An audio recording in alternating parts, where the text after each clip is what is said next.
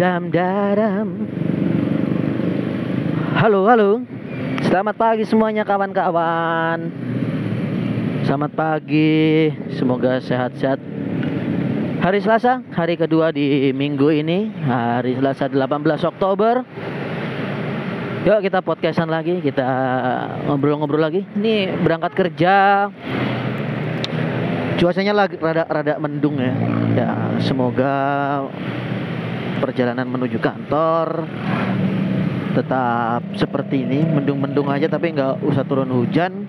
Enak sih jadi nggak terlalu gerah di badan ya uh, jadi lagi lagi pakai seragam soalnya hari ini. Gua mau ada meeting di daerah Budi Kemuliaan. Seru nih kayaknya nih klien hari ini. Ya ginilah. Hidup seorang sales and marketing ya kita kan harus mencari-cari peluang, mencari-cari kesempatan yang mungkin bisa jadi sebuah cuan. gua hari ini ada lewatin deket daerah rumah gua deket pasar, jalannya rada beda nih. Waduh, ini pasarnya namanya pasar Kecapi ya.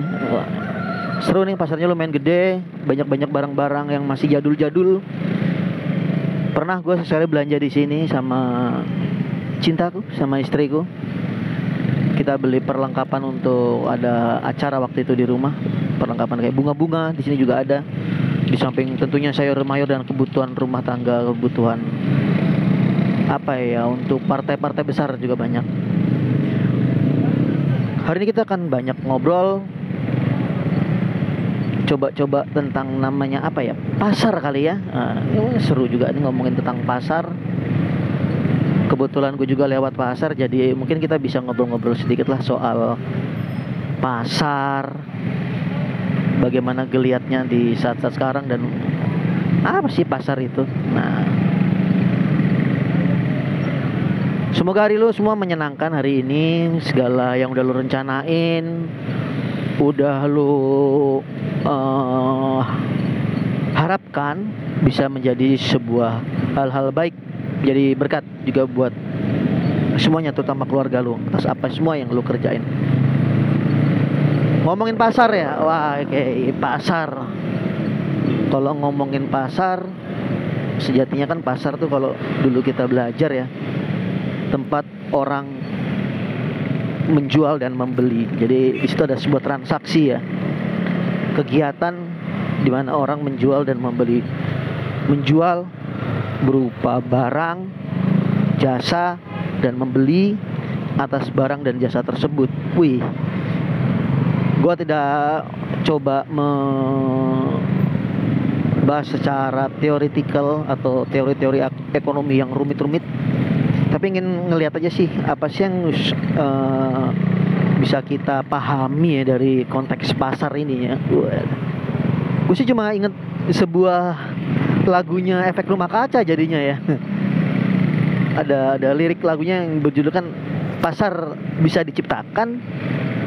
Cipta bisa dipasarkan. Anjir sih. Itu kalau efek rumah kaca udah bikin syair emang nggak bohong ya. Mereka sangat kritis, sangat bagus dan narasi-narasi syair mereka itu sangat dalam gitu loh. Di zaman yang serba terbuka ini kalau menurut gua sih memang bener ya.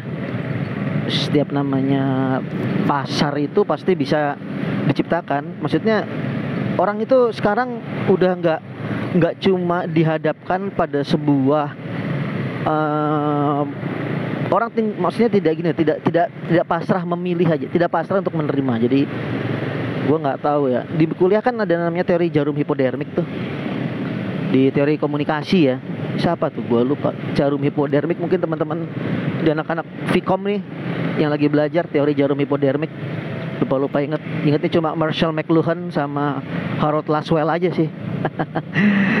Banyak sebenarnya sama Roland Barthes karena itu kan dulu skripsi gue ngambil studinya Roland Barthes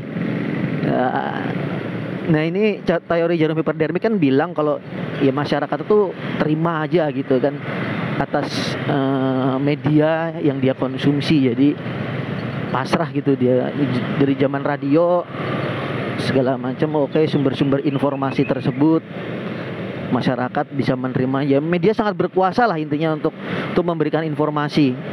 Nah pasar sekarang nggak gitu sih gua apalagi pasar komunikasi ya di bidang komunikasi itu pasar tuh ya artinya everybody can be a, a medium. Setiap orang tuh bisa menjadi media itu sendiri. Nah kalau dulu kita cuma aja sebagai komunikator artinya orang-orang yang punya punya capability kayak kayak opinion leader segala macam lalu menjadi komunikan. Kadang kan kita masih bisa cuma kalau nggak punya kemampuan apa apa jadi komunikan. Tapi sekarang semua orang bisa menjadi komunikator. Ini kayak yang gue lakuin ini.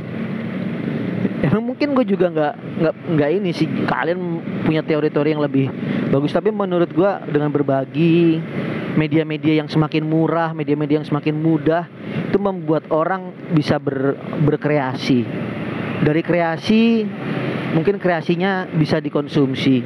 Terciptalah sebuah pasar atas produk atau hal-hal apa pun yang kamu ciptakan dan dikonsumsi oleh masyarakat itu. Ngomong-ngomong udah pada sarapan belum? Semoga udah ya tapi nggak pun juga nggak apa-apa sih. Yang penting tetap kuat. Nanti kan bisa sarapan lagi kuat di pikiran tuh bikin kuat badan. Oke okay. nah tadi kan pasar tuh. Jadi makanya uh, eh, gue melihat bahwa pasar-pasar itu sekarang uh, begitu luas begitu lebar begitu hebatnya.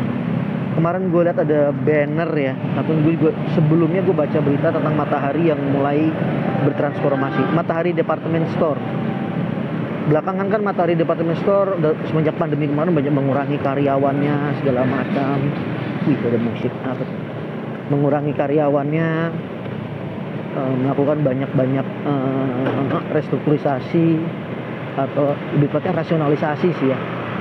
Ke mana sih jalan jalan mereka untuk ke depan dengan mengurangi uh, jumlah karyawan? Nah sekarang kemarin tuh gue lihat di Sensi depan Sensi itu ada billboard mereka merubah konsep kayaknya menjadi semacam retailer yang fokus pada produk-produk yang terkurasi deh produk-produk terkurasi lokal gitu. Gue jadi inget kalau model-model gitu tuh kayak kayak di Sarina sekarang ya. Entah ini pasarnya yang makin pinter maksudnya pasar yang makin pinter tuh orang-orang yang konsumsi pasar-pasar ya kayak lulu semua mungkin kayak kayak ya uh, ada banyak kerja anak-anak muda sekarang yang mulai makin makin pinter untuk memilih produk produk yang terkurasi kualitasnya produk yang terkurasi narasinya yang visinya bagus atau gimana jadi matahari udah berubah menjadi menghadirkan produk-produk seperti itu. Menurut gua itu bisa jadi sebuah hal yang baik sih. Karena memang sekarang tuh entah kenapa ya semenjak semenjak startup ini kenceng startup ini ada juga film-film model kayak filosofi kopi. Teman-teman muda ini gue juga nggak tua tua masih tapi emang gue udah tua sih. Nah maksudnya teman-teman yang sekarang itu melihat bahwa proses berkreasi itu adalah menguatkan dari narasi itu sendiri penguatan sebuah narasi mungkin Matahari melihat itu kali ya. Jadi dia, dia ingin mengkurasi menghadirkan produk-produk bagi para uh, pengunjung dan calon customer atau serta customernya itu menghadirkan produk-produk yang terkurasi. Aduh keren banget sih. Emang kalau ngeliat di itu kayak kayak M Block ya. Kalau di ngeliat di M Block itu di M Block Market itu bagus-bagus sih. Kalau kalau ngomong mahal menurut gue sih relatif ya untuk ngomong lu ngomong mahal menurut gue relatif. Karena ya keren. Mereka menghadirkan konsep produk membangun branding dari produk itu. Gue juga sempat ngerasain sih bagaimana menarasikan sebuah produk itu bukan perkara yang mudah. Menghargai ide itu memang uh, tidak semurah itu. Gue paham orang-orang yang kerja di bidang kreatif di bidang apa pun itu bahwa ide itu sangat mahal gue setuju sih. Tapi memang lagi-lagi sih logika pasar tuh kadang suka aneh ya kalau di pasar di Indonesia khususnya. Barang bagus kalau terlalu mahal. Mahal banget sih kayak gitu. Ya mungkin memang kita harus memantaskan diri kita dan berusaha untuk bisa mengkonsumsi barang-barang yang memang punya nilai narasi yang kuat tersebut sih. Itu sih pasar ya menurut gue ya. Ngomong-ngomong sekarang eh, balik lagi sih. Itu tadi pasar modern lah ya. Modern trade. Modern market. Gitu. kita juga sempat lihat kemarin apa sempat dengar ya. Pembalingan kekayaan bos Alfamart dan Indomaret waduh. Udah pasti kaya ya terkenal ada. Ibaratnya. Sistem yang luar biasa itu dan Alfamart itu mempekerjakan atau membuka lapangan kerja yang luar biasa banget. Nah balik lagi sih ke pasar tradisional. Nah terakhir kali lu kapan sih? Gue pengen tanya eh, mengunjungi mengunjungi pasar tradisional gitu. Untuk membeli bahan bahan makanan lalu memasaknya sendiri. Itu pengalaman yang memang luar biasa. gitu. Istri gua suka memasak. Bagi dia memasak selain membuat hemat itu juga menambah skillnya dia sih. Karena kan memang belajar belajar terus ya. Dia suka memasak mem- membuat masakan. Awalnya sih dulu begini ya biasa aja. Tapi lama-lama makin enak masakan dia. Karena keterampilan dia memasak itu benar-benar terasa sih belakangan. Menu-menu yang menu lokal menu internasional dia cobain teman-teman kalau pergi ke pasar gue tuh paling suka ya eh, pasar itu pasar yang punya punya tema-tema khusus ya, ya. kayak pasar di Triwindu di Solo tuh nah, kalau di di sini. Mungkin nanti kita lewatin ya. Ada pasar Gembrong pasar yang khusus jual mainan. Pasar Triwindu tuh para pasar barang-barang kelitian barang-barang kuno barang-barang yang second second barang yang eh, etnik-etnik dari Jawa etnik dari mana pun. Jadul-jadul retro lu bisa temuin semua tuh vintage di pasar Triwindu Solo kalau main di di pas lagi pada main ke Solo itu ada di Jalan Selamat Riyadi tuh di dekat ke Prabon ya dekat jalan Prabon. Itu ada pasar Triwindu bagus banget. Keren itu pasar Triwindu. Pasar apa lagi? Bringharjo. Wah itu nggak usah ditanya ya terkenal banget. Pasar Bringharjo. Banyak kan masih di Jawa ya. Aku dulu pasar aku sempet waktu pas di Jambi pasar di Batanghari. Dari dekat sungai Batanghari. Wah ikan-ikan yang bagus-bagus banget. Nah pasar itu selalu memberikan cerita ya. Cerita eh, akan hadirnya kita belajar ya belajar untuk melakukan bentuk komunikasi yang paling mendasar. Yaitu ngobrol aja dulu. Ngomong. Syukur-syukur bisa dinego loh kalau pasar kayak gitu. Ya lagi nggak punya maksudnya budgetnya nggak banyak ya cuma punya punya budget segini gitu. Cuma punya budget alah kayak gitu. Nah itu bisa di mungkin para pedagang-pedagang itu juga merasa nggak enakan. Ya itulah pasar di mana transaksi itu tidak sebatas label harga yang sudah pasti. Transaksi itu bisa berujung pada negosiasi pada harga-harga yang mungkin eh, bisa ini ya dari hati ke hati ya. Itu sih. Jadi di pasar tradisional itu nikmatnya seperti itu. Nah mungkin teman-teman sekarang sih udah memilih ya. Eh, lebih suka pergi ke pasar-pasar yang eh, modern market pasar-pasar yang modern lah ya. Kayak di mall. Kalau kayak di ya supermarket supermarket gitu ya. Memang nggak ada salahnya sih. Asik juga. Eh, terakhir gue datang ke sebuah swalayan itu. Ada tuh di daerah Cibubur. Swalayan Market City namanya. Nah itu asik sih. Dia di tempatnya itu banyak pilihan mulai di barang-barang produk lokal sampai internasional. Nah itu dari semua mungkin banyak udah mulai banyak sih negara-negara yang masuk ya barang-barangnya. Dulu pers- pertama kali datang cuma dari Jepang dari Korea Amerika ya kalau nggak salah ya. Sekarang udah ada Australia udah ada Jerman udah ada Itali. Mana lagi tuh ya? Kemarin lihat Jepang Italia itu Jerman mana lagi lupa lupa. Pokoknya udah makin banyak deh. Itu di market city tuh bagus jadi ya kita bisa bi- belum belum pergi ke sana tapi bisa tahu lah oh kalau ngelihat-ngelihat barang-barang consumer goods-nya. Amerika tuh kayak gini ya kayak kayak Citos Citos tuh harganya bisa 170 ribu. Nah itu mungkin rasanya lebih lebih kejunya lebih nampol kali ya. Tapi yang sih bisa keju. Oke nih gua ada di daerah dekat Jatiwaringin. Nah, ini ada pasar lagi nih di sini.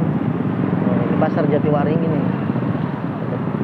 Pasar Pondok Gede ini tempat jual-jual samping gua itu tempat jual-jual perlengkapan bunga-bunga perlengkapan eh, pemakam gitu ya. Ada gerabah-gerabah yang bisa buat dipakai buat ngisi-ngisi apa namanya wewangian. Uh, pagi-pagi udah bang Sadi sate udah udah bakar-bakaran aja bu. Sate pagi-pagi enak banget. Sarapan sate sarapan soto pakai pakai nasi di mangkok yang kecil soto daging. Wah itu pengalaman sih waktu pas liburan ke Solo itu ya kayak gitu tuh. Jadi apa namanya pagi-pagi tuh sarapan nasi pakai daging gitu aduh enak banget. Nggak banyak sih porsinya tapi mantap. Mataharinya belum keluar masih mendung-mendung. Tapi biasa ya jati waringin coy macet. Padat ini hari ini si awal-awal pekan ya. Oke mie gacoan dia nyetain pasar sendiri kayaknya kalau berapa kilo mie gacoan rame banget ya. Mie gacoan tuh buset. Kalau lewat sini parkirannya motor itu bejibun banget. Menciptakan pasar itu sekarang udahlah pede-pede aja ya kayaknya ya. Nggak tahu kenapa ya. Eh, orang itu semakin terbuka untuk menghargai setiap kreasi dan dan karya. Kreasi dan karya setiap orang. Karena memang yang namanya pasar itu masalah selera. Cocok di lu tentu cocok di gua. Cocok di gua tentu cocok di lu. Tentu cocok di dia belum cocok yang yang lainnya. Ya itu eh, tinggal tinggal bikin aja ya kayaknya ya bener juga sih. Nah, kayak uh, serab gue inget banget nih. Serabi ya. Oh dia gue ada serabi. Serabinya bukan kayak serabi solo yang tipis pinggirannya crispy kering itu. Serabi serabi ini ini serabi Jawa Barat Bandung itu bener serabi Bandung. Yang di Anglo dia padat mirip kayak pancake. Nah itu itu masih bertahan ya udah lama banget banget bakarnya masih pakai kayu. Itu setiap sore itu masih aja rame apalagi kalau bulan puasa ya. Terus Rabi pakai gula aren gitu. Aduh rame banget itu kalau setiap bulan puasa. Boleh kakak. Oh ada dim ada dimsum. Boleh kakak. Boleh kakak. Dimsum. Boleh kakak. Dim siapa itu? Dimsum boleh kakak Tuh, terang pas udah dapat gede banget. Mau nyalip nggak berani. Jalanannya juga terlalu ramai gitu. Dimsum boleh kakak juga ramai banget. Paling bisa kalau bikin bikin nama deh. Hmm, ya, ya. pasar yang berjalan ya. Portable market. Alias tukang sayur. Menjemput bola. Eh. jadi bukan orang yang datang tapi dia menjemput bola. Biasa ya banyak pedagang sayur sekarang karena mamah-mamah muda yang sering antar anak kadang kecapean kalau harus pasar lagi lewat tukang sayur depan rumah lebih enak. Oke. Jadi teman-teman uh, ngomongin pasar lagi tadi ya. Setiap orang sekarang itu ya bisa memarketkan bisa memasarkan apa pun karyanya. Karya yang remeh-temeh itu bisa jadi hal-hal yang dikonsumsi yang bisa menjadi yang mendatangkan cuan loh bang pasar-pasar ya, kayak TikTok lah TikTok coba. Atau YouTube kan orang dengan intensitas dan mereka nggak perlu banyak by design by design jadi waringin ada Vespa Vespa sinergi pondok gede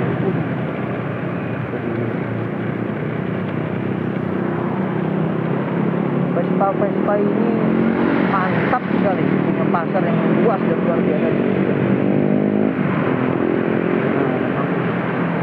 nah memang sih kalau punya Vespa pasar yang dia ciptakan itu adalah pasar sejarah pride orang suka sama sejarah orang suka karena sejarah dan kualitasnya Vespa. Produk Italia. Narasi yang kuat visi yang besar bisa membuat pasar itu tertarik. Baru kemarin ya orang jangan main HP sembarangan. Sekarang main HP lah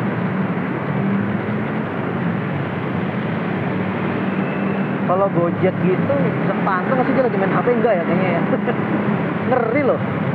Gojek atau ojol ojol ojol itu ojol ojol online gitu kalau drivernya lagi main HP iya nggak apa apa sih. Kalau konsen ya. Maafin aja lah Indonesia kan negara pemaaf. Harus harus bisa menjadi seperti ini oke kita sudah sampai di lapangan golf Alif oke jadi uh, memasarkan kreasi-kreasi kamu itu banyak cara sekarang strategi marketing punya algoritma punya cara yang luar-luar biasa. Influencer-influencer itu paham benar bagaimana cara memasarkan media-media juga tahu bagaimana cara membuat hal-hal uh, yang luar biasa dan kreativitas itu agar produknya dikonsumsi oleh para penikmat. Konten penikmat jasa penikmat produk dan lain-lain. Mungkin kelak nih suatu hari nih ya ini kan lagi zamannya semua serba serba bermain. Konten aku nggak tahu bahwa uh, 10 tahun lagi dari sekarang bisnis atau pekerjaan apa tuh bakal menjadi uh, menjadi hebat menjadi mendominasi ya kan berbau dengan konten dengan creator influencer dalam macam digital marketing. Mungkin pastinya sih semua hal itu uh, di tahun di tahun-tahun ke depan itu akan akan apa namanya lebih hebat lagi.